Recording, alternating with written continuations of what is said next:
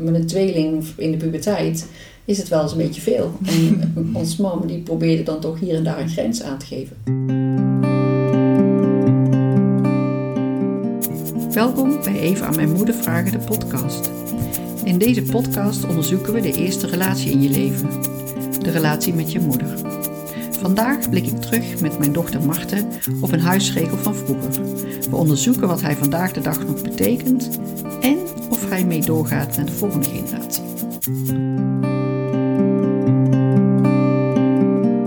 We gaan vandaag een huisregel onder de loep nemen. En de regel die we vandaag bespreken is: na tien uur lossen we geen problemen meer op. Wanneer hoorde jij deze regel voor het eerst? Toen mijn tweelingzus en ik in de puberteit zaten en alleen wonen met onze moeder. En met, twee, met een tweeling in de puberteit is het wel eens een beetje veel. En ons mam die probeerde dan toch hier en daar een grens aan te geven. Zij was meer een ochtend- als een avondmens. Dus er ging iets, het was geen echte avondklok, maar wel voor, uh, voor gedoe. Hm. Een avondklok voor gedoe. Want wat, wat betekent deze regel voor jou? In mijn beleving staan we op met een soort van batterij aan energie. En daar kun je je dag mee doorkomen. En dan staan een, heel ding, een heleboel dingen op je lijstje. En het is fijn als je je energie over de dag kunt spreiden. Ja, en problemen zijn misschien handiger te bespreken ja, bij het avondeten. Of in ieder geval voor tien uur. Zoiets. Ja. Om tien uur is het... Nou, mijn kaars is altijd echt tien uur half elf helemaal uit. Ik ben een ochtendmens. En dat betekent dat de avond uh, ja, het laatste beetje energie van de dag nog bij zich heeft. En werkte dat vroeger als ze dat tegen je zei?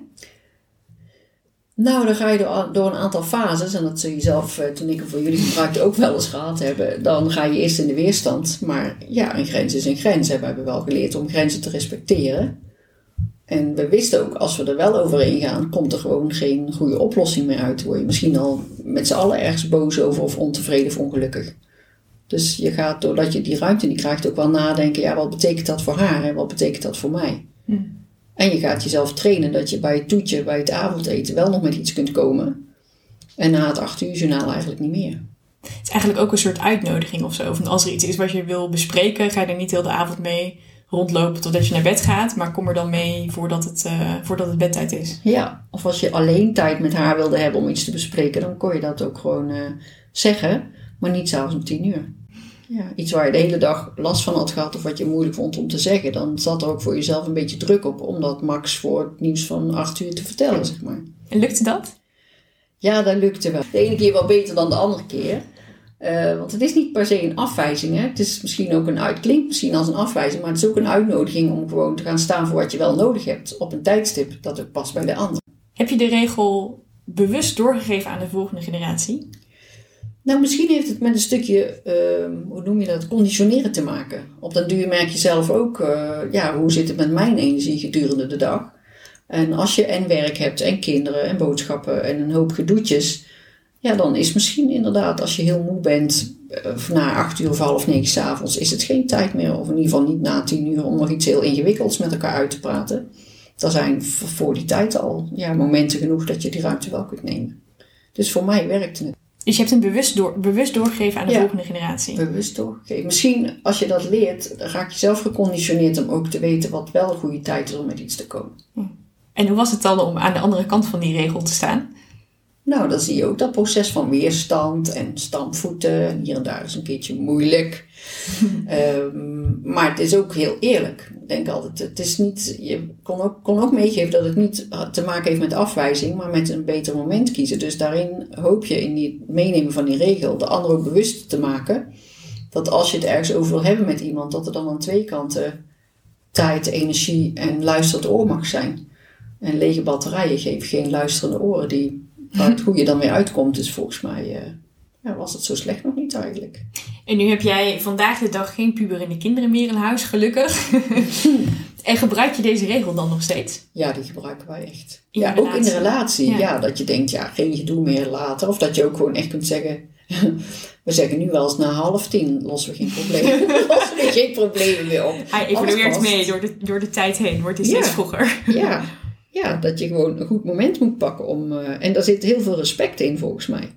Als je aan iemand iets vraagt, maar de andere zijn batterij is leeg, krijg je ook niet het beste. Ja, ik, ik, ik hoor hem nu uh, vanuit mijn volwassen rol voor het eerst. En ik hoor nu dus echt voor het eerst. Ik heb echt een soort aha-moment. Het is geen afwijzing, maar het is een uitnodiging. Ja. Ik kan me in die tijd herinneren, toen ik dat in de puberteit naar mijn eh, vriendjes in die tijd wilde doorvoeren, dat die ook zoiets hadden van, hé, hoezo om tien uur? En dat het ja, een soort afwijzing voelde. Ja.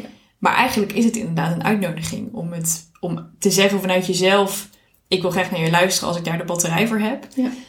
En naar de ander, ehm, loop er niet de hele avond mee rond en kies het juiste moment. Ja. Wat is het belangrijkste dat je, dat je mee wil geven over deze regel? Eh, nou, wat je net al zei, het is geen afwijzing, maar het vraagt, het nodigt ook alleen, ja, je zou erbij aan toe kunnen voegen. Ik nodig je uit om eerder op de dag met iets te komen. Als je ergens last van hebt. Ik ben een en al oor, maar ik luister of helemaal naar jou of helemaal niet. Kijk, als er ergens bloed uitloopt of eh, je hebt er ergens pijn van, of ja, dan met uitzonderingen kan dat natuurlijk wel.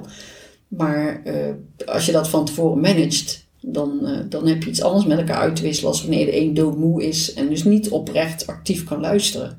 Ja. Dus het is interessant, misschien als je meeneemt, dat jij eh, tegen je partners of tegen je vriendinnen zegt van nou, eh, na tien uur los ik geen problemen meer op, maar misschien kunnen we morgen even kijken. Of, Ja, dat is wel een mooie toevoeging inderdaad. volgens mij nodigen we dan toch wel uit ook, of niet? Het is lang geleden dat ik hem, dat ik hem gehoord heb. Ja. Ik ken hem denk ik met name in de tijd van de puberteit inderdaad. Dus dat je inderdaad toch maar nou, vanuit mijn eh, kant met één oor luisterde en dacht, oh het is weer een nieuwe huisregel. Ja. Daarom vind ik deze rubriek ook zo leuk om er vanuit een volwassen perspectief naar te kijken en dan dus heel andere dingen te zien. Ja. En ik vraag me nog af, nu we het erover hebben, is er een werkvariant van deze regel? Nou, jij zit vaak in managersrollen in, jouw, eh, eh, in het werk wat Ja. jij doet. Zeg je dan ook tegen je mensen of tegen je collega's, daar ben je natuurlijk niet tot tien uur s'avonds, maar bij wijze van. Na vijf uur lossen we geen probleem meer op? Of hoe doe je nou, dat dan? ik merk, ik werk natuurlijk als interim en eh, dan ik heb geleerd dat ik s'morgens eigenlijk het liefst de moeilijke gesprekken doe. Maar als ik binnenkom ergens en ik heb een team eh, eh, wat, waar ik de manager van ben, dan plan ik in mijn agenda ook het eerste half uur om even mijn mail te ordenen en een to-do-lijst te maken voor, om te kijken of er ergens bloed uitloopt. Ehm, en ehm, ja, na de lunch ben ik van de uitwerking van de dingen. En natuurlijk, als er iets nodig is, dan doe je een stap naar voren. Het is heel mooi als je je energie over de dag kunt verdelen. Dat soms het fijner is om s smiddags een rondje te gaan lopen met je boterham in plaats van de hele dag beschikbaar te zijn. Want de hele Ja. dag beschikbaar, ja, dan loop je soms toch op een lege batterij. Je zit met een vol hoofd en je werkt niks uit. Dus ik neem het wel degelijk mee. De Ja. eerste half uur niet storen. En na vier uur is het eigenlijk, eh, dan wil ik gewoon mijn dag afsluiten en mijn to-do-lijst moet af en beoordeeld worden wat er mee kan naar de volgende dag. Dus ik denk dat het eigenlijk overal wel zo werkt. En als je wat ouder wordt, is het gewoon heel fijn om bewust om te gaan met je batterij. Ja, Dus het heeft aan de ene kant te maken met energieverdeling. En aan de andere kant heeft het te maken met jezelf serieus nemen en 100% eh, present zijn in je verhouding en hoe je je verhoudt tot de ander. Ja. Het is mooi om te zien dat jij hem nu begrijpt. De vraag is of jij hem, of jij hem mee gaat nemen of dat we hem loslaten nu je helemaal weet. eh, Hoe je hem helemaal uitgepluist hebt, ga je hem meenemen of laat je hem los? ja ik, eh, ik heb hem dus al wel meegenomen. Maar ik moet eerlijk zeggen dat ik nu bij dit gesprek dus de tweede dimensie ervan Ja. ontdek. Dus dat het inderdaad een uitnodiging is. Dus ik neem hem mee. eh, en ik ga eraan toevoegen dat er inderdaad een tweede zin komt. eh, maar morgen tussen dan en dan ben ik wel beschikbaar. Om het inderdaad eh, in het licht te zetten van de, van de beschikbaarheid. Ja. Want ik merk wel dat hij inderdaad eh, af en toe wel eens wat ondertiteling vraagt of zo. Dat je denkt, ja, maar hoezo niet? We zijn er nu toch. Eh, Terwijl, ja, slaap is voor mij ook heilig. Dus ik, daarom zeg ik ook vaak na tien uur geen probleem meer op. Maar de toevoeging is denk ik heel mooi. Ja. Dankjewel. Wat geleerd. Dank je. Graag gedaan, kind. Bedankt voor het luisteren naar Even aan mijn moeder vragen de podcast. Wil je meer weten over ons? Ga dan naar www.evenaanmijnmoedervragen.com of volg ons op Instagram. Tot gauw!